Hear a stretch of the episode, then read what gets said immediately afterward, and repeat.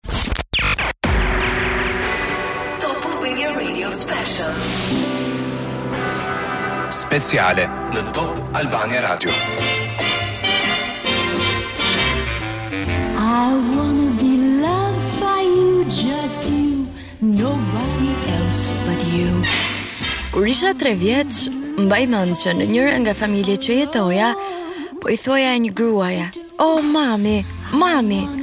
Dhe ajo më tha, "Mund të më quash hallë, teze, çfarë të duash, por jo mami." Dhe pasi shoh burrin e saj them, babi, babi, dhe ajo m'u drejtua. Jo, xhaxhi, apo çfarëdo tjetër, por jo babi. Gruaja me flokë të kuqe që vjen ndonjëherë këtu të të vizitojë, është mamaja jote. Për babain tim, nëna s'më foli kurrë. S'më dha asnjë informacion për të. Mamën time e mbaj mend shumë pak nga vegjëlia. Ajo më linte gjithandej dhe ishte një situatë e palumtur. Ajo kishte shpesh shpërthime dhe probleme të vazhdueshme mendore, të cilat kulmuan me frekuentime dhe shtrime të vazhdueshme në spitale psikiatrike për skizofreni dhe probleme të shëndetit mendor. Ky nuk do të ishte vetëm fati i një gruaje, por do të shënjonte dhe historinë e jetës së një fëmije, e më pas të një gruaje që me apo pa dëshirë, pasojë e fatit apo e zgjedhjeve, do të kishte një fund jo vetëm të trishtë, por tragjik.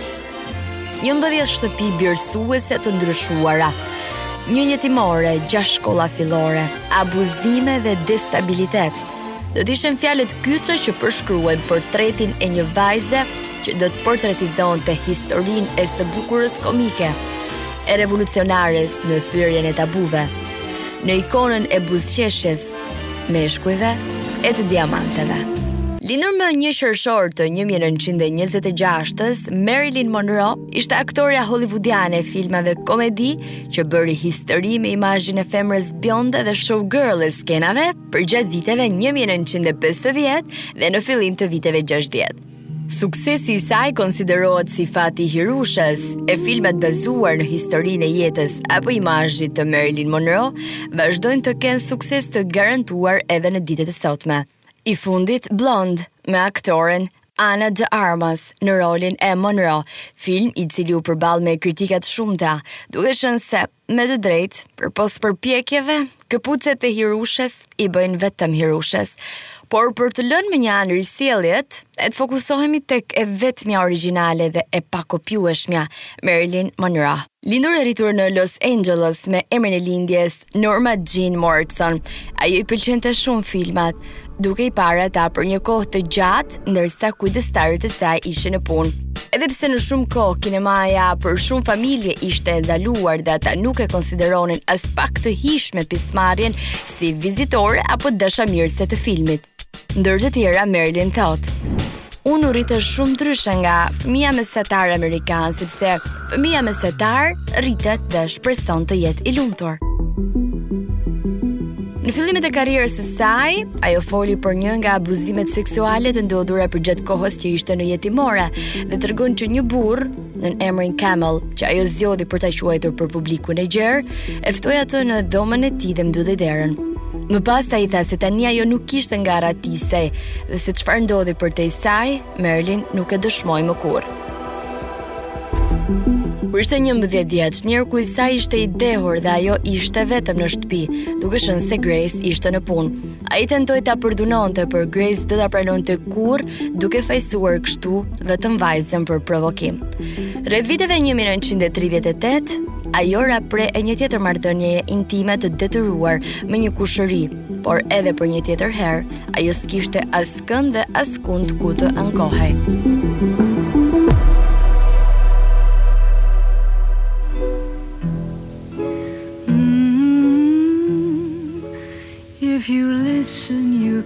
Vetëm që të më largonin nga shtëpia, shumë prej familjeve që më mbanin, më jepnin para të vogla xhepi që unë të ikja disa orë në kinema. Unë ulesha gjithë ditën deri natën vonë përpara ekranit të madh, një fëmijë i vogël dhe vetëm. E dashuroja, e që në atë kohë ajo ëndërronte për veten përtej ekranit teksa donte të surprizonte një audiencë. Në shkollën e mesme, unë u godita plotësisht nga filmi, tha ajo në një intervistë të vitit 1951. Unë kam parë filma që më pëlqenin 3 ose 4 herë derisa të lodhesha.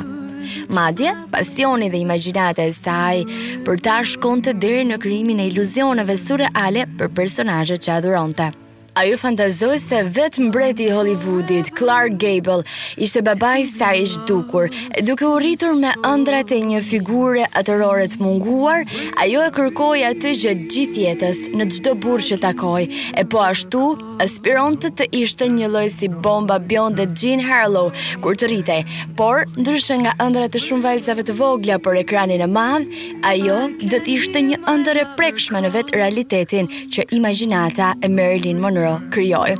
Në një intervistë kur flet për shkollën e saj të mesme, ajo shprehet: Unë i dashuroj të kënduarin, atletikën, letërsinë në anglisht. Unë e urrej matematikën, kurrë s'e kam patur mendjen aty. Isha gjithmonë jashtë dritares.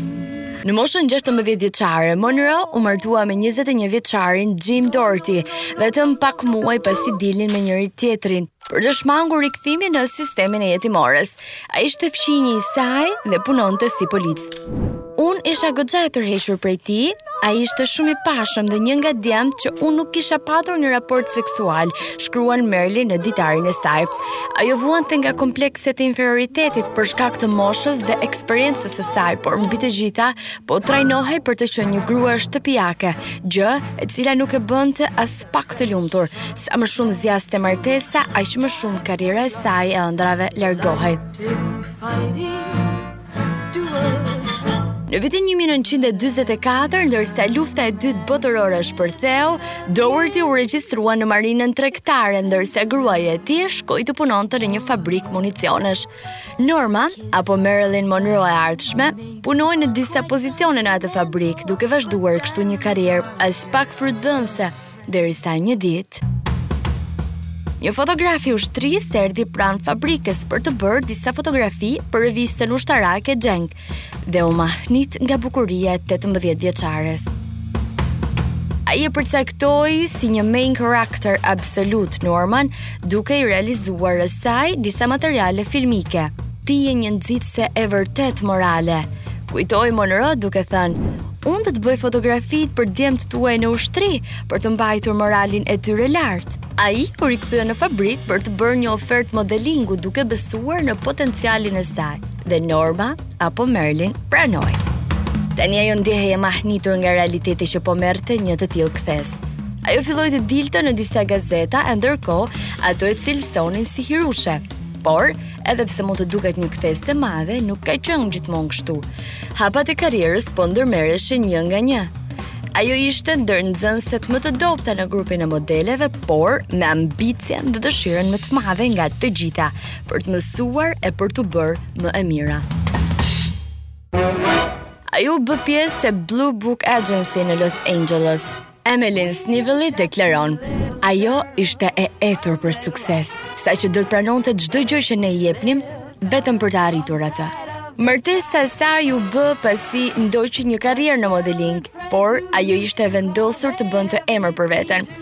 Ajo mësoi si të magjepste të tjerët, ajo i bëri të gjithë me të cilët fliste të ndiheshin sikur ata ishin të vetmit në botë, rrëfen agjentja e modelimit Emmeline Snively.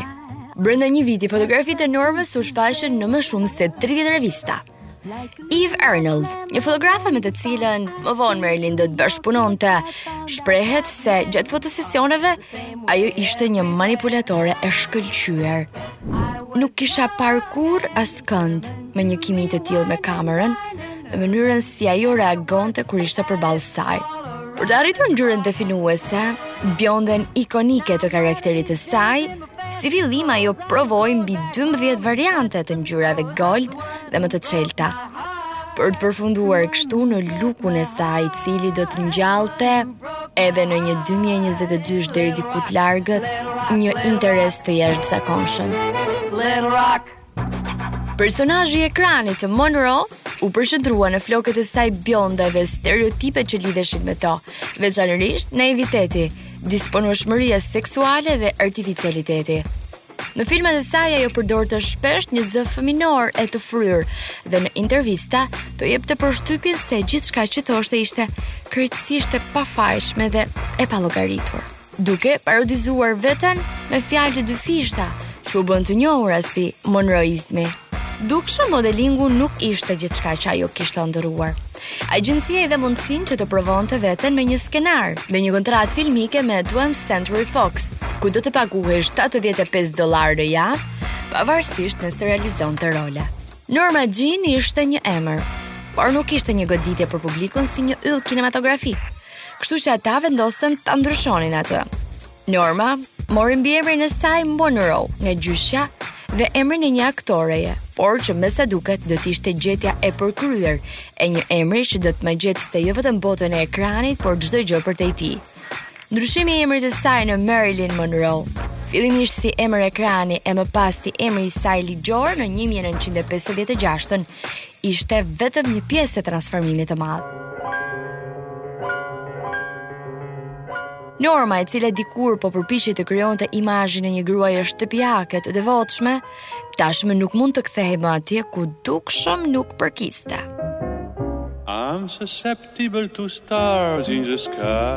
Kështu që në 1947 ajo i dha fund martesës. Suksesi profesional i yllit është edhe më mbresëlënës në dritën e betejave të saj personale. Puna me Monroe ishte jashtëzakonisht e vështirë pasi ajo vonohej vazhdimisht në xhirime dhe shpeshherë i ngatërronte fjalët e saj. Në realitet, ajo kishte frikë të madhe në skenë, thotë Vogel, duke u skuqur ose duke u sëmurë fizikisht në mendimin për të performuar. E kujt do t'ia priste mendja se vajza e dashuruar me kamerën do të ishte po ajo që do të sëmurej prej saj. Ajo kishte një shtysë për të përmirësuar veten duke lexuar libra mbi psikologjinë, filozofinë, poezinë, artin apo dramën. E ndërkohë dita e saj dedikohej 3 orë aktrimit, 1 orë drekë, 1 orë mësime kërcimi, 1 orë muzikë, Dhe një orë, mësime hipizmi. Ben Lyon e ritelefonon atë për një tjetër projekt, e duke e pyetur se përse stërvitej aq shumë, kur ndërkohë vajzat e tjera ende në orën 11 të mëngjesit ishin në gjumë prej festës së mbrëmshme.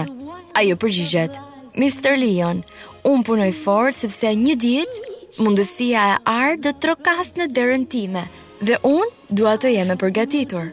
Por mundësia jo vetëm që nuk erdhi, por në 1927-ën, kontrata e saj me kompaninë e filmit përfundoi. Në këto kushte, Monroe u rikthye në botën e modelingut, por e dëshpëruar dhe me shpirtin në botën filmike. O Zot, unë thjesht doja të bëhesha më e mirë, të ndryshoja, të mësoja. Nuk kisha asnjë dëshirë tjetër, nuk kisha nevojë as për burra, as për para, as për dashuri, thjesht mundësinë për të luajtur filma. Ajo ishte e gatshme të flinte me këdo që mund t'i jepte një shans në botën kinematografike, dhe kështu bëri. Po, kam fjetur, kam fjetur me çdo producent, sepse nëse nuk do ta bëja, një tjetër vajzë do ta bënte, dhe ajo po priste jashtë derës për të zënë vendin tim. Më vonë ajo do të realizonte një rrëfim për ngacmimet seksuale nga bosët e Hollywoodit, deklaratë pas të cilës erdhen dhe shumë vajza të tjera me rrëfimet e tyre për të njëjtat përjetime. Joseph Schenck ishte miliarderi 70 vjeçar, i cili përpos vetes ia prezantoi Marilyn të gjithë miqve të tij që shkuan me të. Më në fund, pas shumë refuzimesh, ajo arriti të nënshkruante një kontratë 6 mujore me Columbia Records. Natasha Lytess ishte mësuesja e saj e aktrimit e cila do të ndikonte shumë në karrierë, por do të ishte edhe nëna që i kishte munguar aq shumë. Ato punuan së bashku për 6 vite në 22 filma, por problemet e Marilyn për të mësuar ishin të theksuara. Megjithatë, dëshira e saj për t'u përmirësuar ishte shumë e fortë. Ajo u bë mjeshtre e gjuhës së trupit. Ladies of the Chorus ishte një nga filmat me buxhet të ulët ku Marilyn ishte personazhi kryesor, por edhe një tjetër herë pa sukses. Më 1949-ën, tashmë e papunë, Monroe vazhdonte përpjekjet për t'u integruar në botën e filmit duke njohur personalitete të fushës. I tillë ishte Johnny Hyde, zëvendës presidenti i agjencisë filmike, i cili u përkushtua ta bënte atë një yll. Johnny e ndihmoi në kryerjen e shumë operacioneve plastike dhe gjithashtu të merrte pjesë në dy filma, The Asphalt Jungle dhe All About Eve. Këto filma rezultuan një sukses i madh duke u nominuar për Oscar. Edhe pse ajo nuk ishte në rolin kryesor, më në fund audienca filloi ta njohë. Në vitin 1951 ajo nënshkroi një kontratë 7 vjeçare me 20th Century Fox dhe do të merrte 50 dollarë në javë. Ajo mori pjesë në filma si Hometown Story, As Young as You Feel apo Let's Make It Legal. Kur gjithçka dukej se po shkonte mrekullisht, fotot e saj nudo u shpërndanë duke shkaktuar një skandal.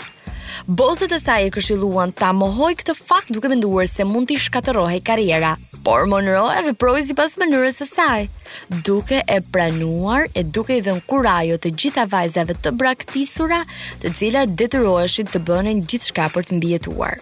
Menjëherë pas këtyre ndodhive, në treg doli revista e parë e Playboy, ku në kopertinë ishte një nga fotot nudo të Monroe. Krijuesi i revistës, Hugh Hefner, kishte blerë fotot e saj për 500 dollarë. Por Marilyn nuk mori kurrë asnjë qindarkë apo qoftë edhe një falënderim prej tij. Ndërkohë marrëdhënia e saj me John, i cili e bëri të famshme, dukej se po shkonte drejt fundit. Për ta përforcuar, John i propozoi për martesë, por ajo Për surprizë, refuzoi. Në këto kohë vetmie, një tjetër refuzim e goditi, kësaj here nga babai që kishte kërkuar për 20 vite. Kur më në fund arriti ta kontaktonte, ai tha se mund t'i drejtohesh avokatit tim.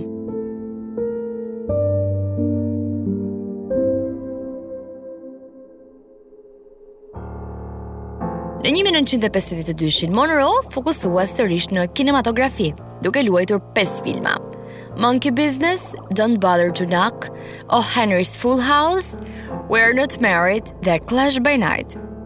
Pasi u shfaq si një femme fatale tragjike në Niagara në 1953-shin, ajo mori rolin kryesor në një seri filmash që krijuan personalitetin e saj Dumb Blonde, Në klasikë, si për shembull, si të martohesh me një milioner në 1953-shin. Ajo dëshpërimisht kërkonte të luante role në filma dramatikë, por pavarësisht kësaj shihej në mënyrë sipërfaqësore dhe seksuale. Kjo reflektohej në pagën prej 500 dollarë në javë, ndërkohë që kolegja e saj në film Jane Russell, e cila luante rolin e brunes në filmin Gentlemen Prefer Blondes, u pagua 200.000 dollarë. Monroe qëndronte me orë të zgjatura në xhirime duke detyruar çdokënd që të qëndronte me të. Kompania me të cilën kishte nënshkruar nuk pranonte rinegocim të kontratës dhe konsideronte zërin e Marilyn tepër idiot.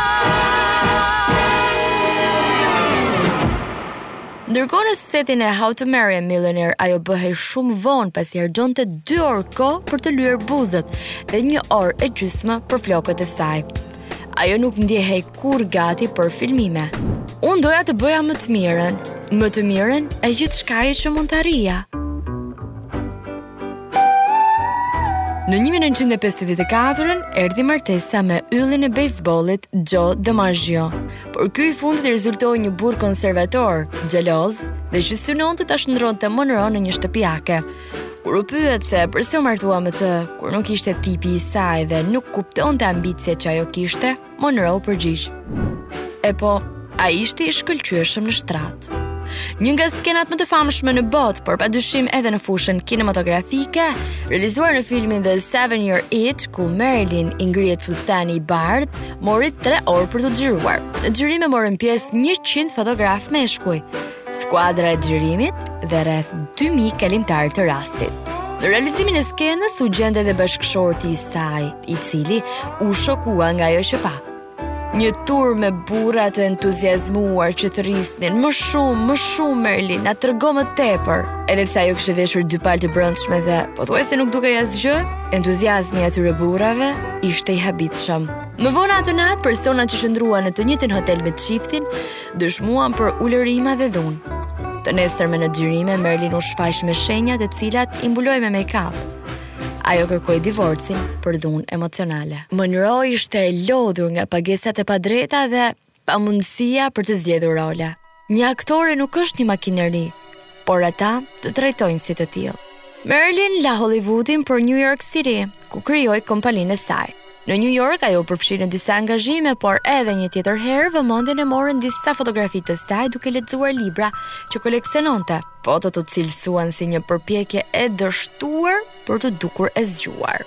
Në 1955-ën ajo firmosi një kontratë gjashtë vjeçare me Fox ku kësaj radhe do të paguhej 400 mijë dollarë për katër filma.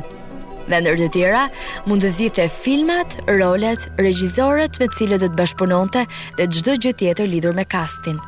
Monroe luajti në një film dramatik të parin në karrierën e saj, që i dha nominimin për një Golden Globe, titulluar The Bus Stop.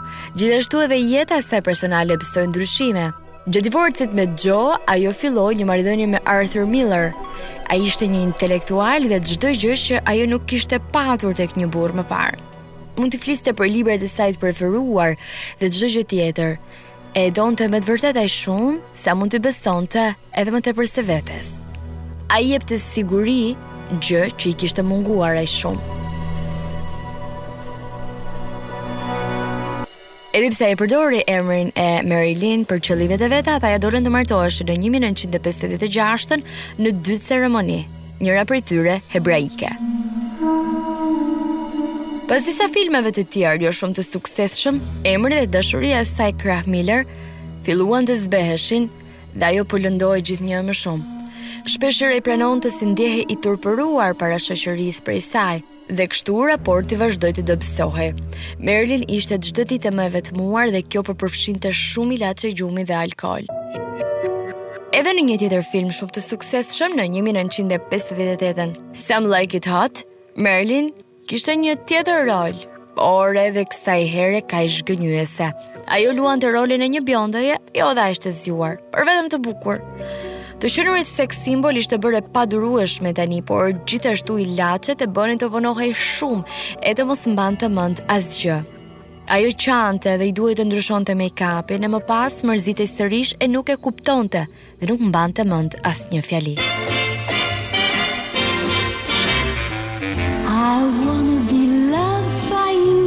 Megjithatë me Some Like It Hot, ajo arriti të bëhej fituese e Golden Globe, që ishte një arritje gjigante në karrierën e saj, të paktën deri në këto momente ku një vlerësim i tillë kishte munguar. Ndërkohë periudha e ngarkuar e stresit dhe ilaçeve e çoi në një tjetër shtatzëni të dështuar, pasi deri më tani kishte kaluar disa të tilla. Kështu që ajo mori një vit pushim nga karriera. Në 1961-shin, ajo dhe Miller u divorcuan. Monroe zgjodhi atë ditë sepse ishte dhe dita e inaugurimit të presidentit Kennedy, dhe ajo shpresonte të merrte pak vëmendje.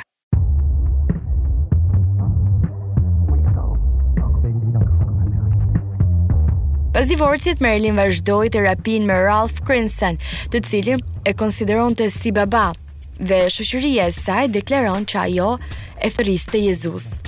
Ata kishin një marrëdhënie shoqërore të ngushtë, e cila tejkalonte kufijtë e paciente psikoterapist. Kur filloi të kishte mendime suicidale, një tjetër terapist i rekomandoi të shkonte në një spital për kurim. Në horror ajo kuptoi se nuk bëhej fjalë për një qendër rehabilitimi, por për një spital të mirëfilltë psikiatrik me hekura, qeli dhe pacientë të dhunshëm. Çdo gjë ishte e kyçur dhe e supervizuar. Duhej të isha e çmendur që ta pëlqeja atë vend, deklaron ajo në një intervistë. Në përpjekje për të dalë nga ai ferr, Monroe kërcënoi se do të vriste veten. Kështu u transferua në një vend më të përshtatshëm për të. Ajo filloi të shkruante letra për të kërkuar ndihmë nga miqtë e saj. Dhe gjejeni kush? Ai që u shfaq ishte ish bashkëshorti i saj Joe. Në maj një mijë e nëntëqind e gjashtëdhjetë e dy, ajo kërkoi t'i jepej mundësia të këndonte një këngë në formë urimi për ditëlindjen e Presidentit Kennedy. Ajo veshi fustanin ikonik Jean Louis me dy mijë kristale handmade. Gazetarët e përshkruan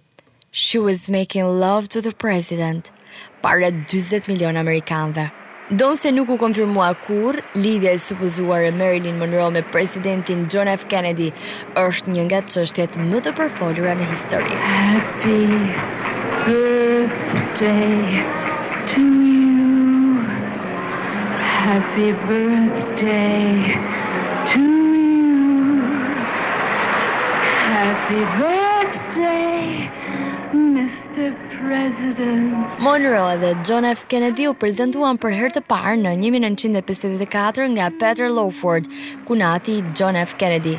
Sipas biografit James Spada, kur Kennedy u lodh prej saj, ai ia kaloi atë vëllait të tij, në një mijë e nëntëqind e gjashtëdhjetë e dy-shin.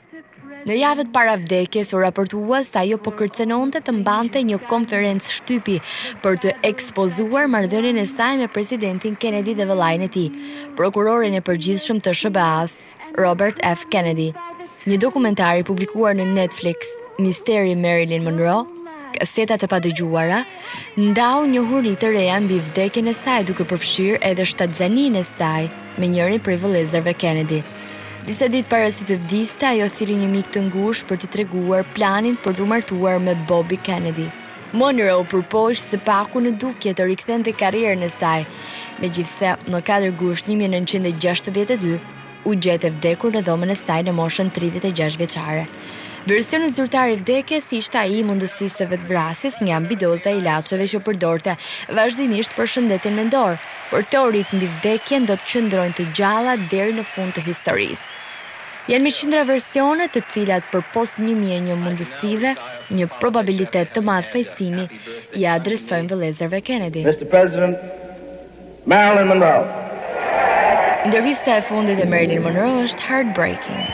Botuar në revistën Life më 3 gusht 1962, vetëm një ditë para se aktorja të vdiste nga mbidoza, zbuloi se Monroe po reflektonte mbi statusin e saj të të qenurit e famshme. Kur je i famshëm, ndeshesh me natyrën njerëzore në një mënyrë të papërpunuar, vuri në dukje ajo. Ajo ngjall zili. Po, po, fama. Njerëzit me të cilët hasem mendojnë, kush është ajo? Kush mendon se është Marilyn Monroe? E fundja. Kush ishte Marilyn Monroe? Vajza koket, mike e ngushtë e diamanteve, dhe pa dyshim e Mr. President Kennedy. Pati një jetë ku tabutë e thyera ishin motivi i karrierës dhe jetës. Motiv që mbase përgjatë kohës së jetuar nuk i dhanë vëmendjen e duhur për çmime e vlerësime filmash. Por i dhanë emrin e një personazhi që edhe pas 60 vitesh nga vdekja e saj, Ajo mbetet një ikonë, një simbol i së bukurës dhe feminilitetit, i kontradiktores, konspiracionit e sekreteve. Ajo është thjesht Marilyn Monroe.